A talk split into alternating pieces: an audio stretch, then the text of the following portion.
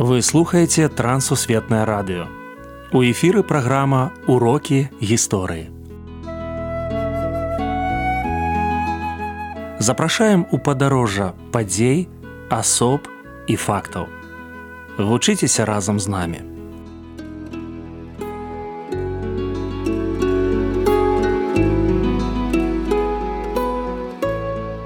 Добры дзень сябры перад мікрафонам сяржук брышцель і кандыдат гістарычных навук Андрусь унучак сёння мы пагаворым пра горад беларусі пінск. Прывітанне Андрусь. Прывітанне сяржук прывітанне шаноўныя слухачы. Адкуль паходзіць назва горада? Назва горада пінская хутчэй за ўсё ад ракі піны э, паходзіць. Як і многія назвы нашых гарадоў гэта назва ад гідроніма тых водных абсягаў нашай краіны э, на якіх стаяць вось гэтыя гарады. Таму абсалютная большасць даследчыкаў яна прыходзіць да высновы што пінск ад піны. Расскажыце пра старажытны пінск.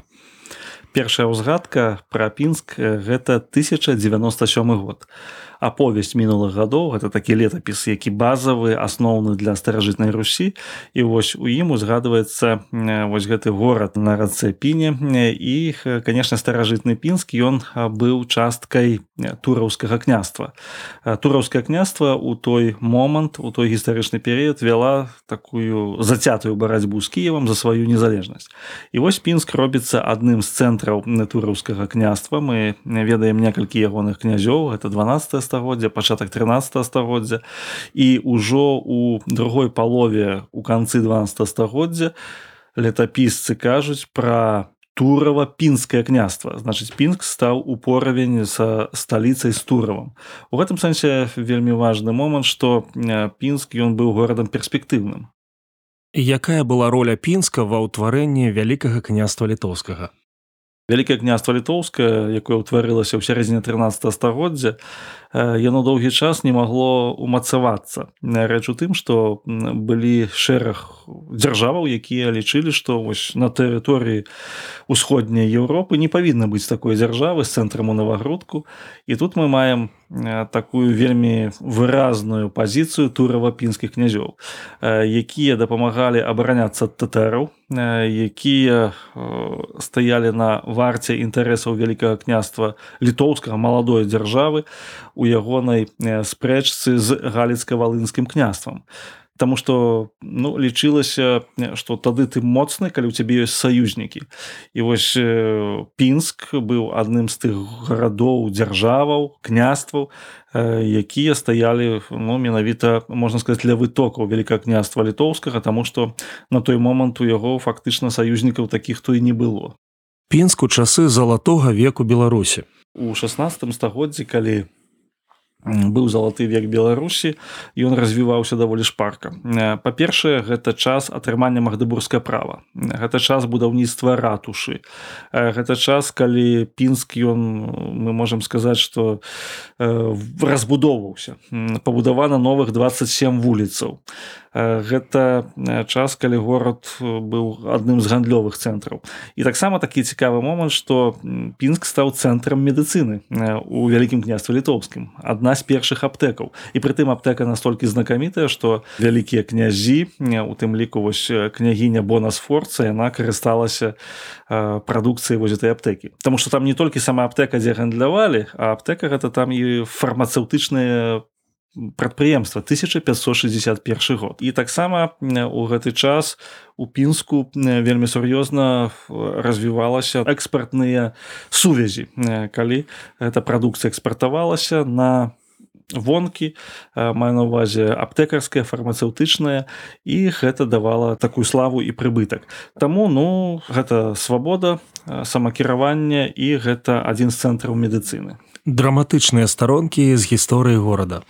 Драматычныя старонкі у першую чаргу гэта 17 стагоддзя у сярэдзіне 17 стагоддзя адбылася вельмі крывавая такая казацка-сялянская вайна на 1649 год пінск быў захоплены казакамі якія прыйшлі з Украіны. І ў пінску пачалося паўстанне супраць вяліка княства літоўска тады ўвогуле адбылася такая вельмі сур'ёзная бітва каля пінска з войскам гетмана вялікага княства літоўскага януша радзівіла пінск быў амаль што цалкам зруйнаваны. У наступныя гады адбылася вялікая вайна маскоўскай дзяржавы з рэчу паспалітай пінск зноў быў зруйнаваны. А наступнае зруйнаванне адбылося праз 50 гадоў. Гэта пачатак 18 стагоддзя. Войска карла 12 шведскае войска. І такім чынам вось гэтыя часы з сярэдзіны 17 стагоддзя да пачатку 18 нават да сярэдзіны 18 стагоддзя можна лічыць драматычнымі таму што былі зруйнаванні былі пагромы габрэйскія. Было знішчана вельмі шмат таго што назапашана ў залаты век беларусі. Расскажыце пра знакамітых пенчукоў ну напрыклад двое кіраўнікоў дзяржавы Ізраіля былі звязаны непасрэдна з пінскам гэта хаім вейцман прэзідэнт першы прэзідэнт дзяржавы Ізраіль і гэта прэм'ер-міністр дзяржавы Ізраіль голда меер яны у пэўны свой час жылі вучыліся ў пінску менавіта ў самім пінску таксама адзін з такіх вядомых польскіх журналістаў рышард капусцінскі які нарадзіўся ў пінску жыў там.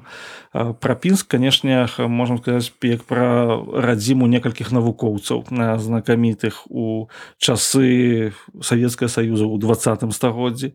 І на сённяшні момант канешне пінскі ён з'яўляецца адным з тых цэнтраў дзе ёсць ну, універсітэт пінск гэта і горад знакамітых людзей.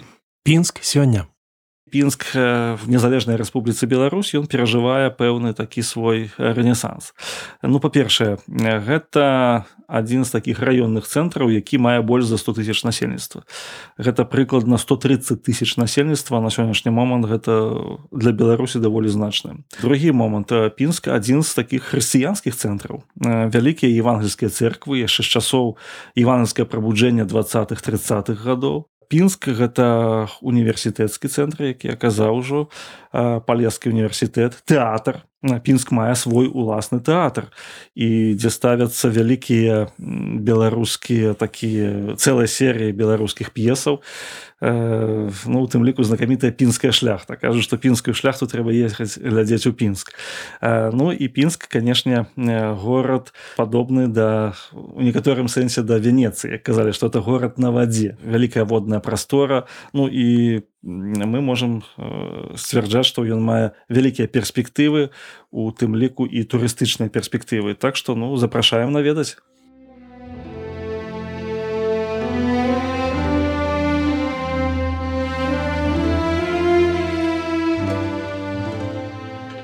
пінск называюць сталіцай палеся у 1521 годзе жыгемён стары падарыў гэтыя землі сваёй жонцы боні сфорцы Яе рэформы закранулі штучныя водныя шляхі і асушванне балотаў.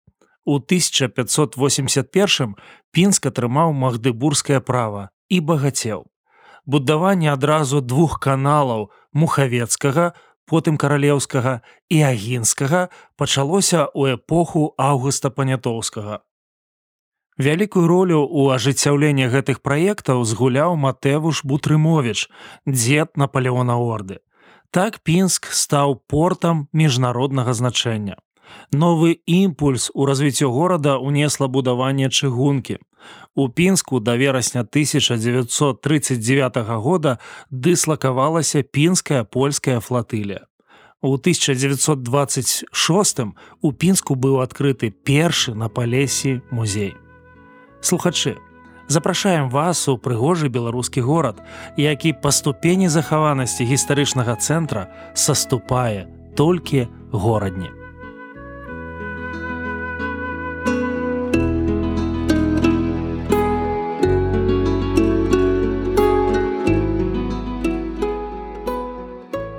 Дзякую, што далучыліся да нашага праекту. Калі ў вас ёсць пытанні, пішыце каля ласка на адрас. Трансусветнае радыё урокі гісторыі паштовая скрынка 45 індекс 22 40 20 город брест 20 Беларусь да новых сустрэч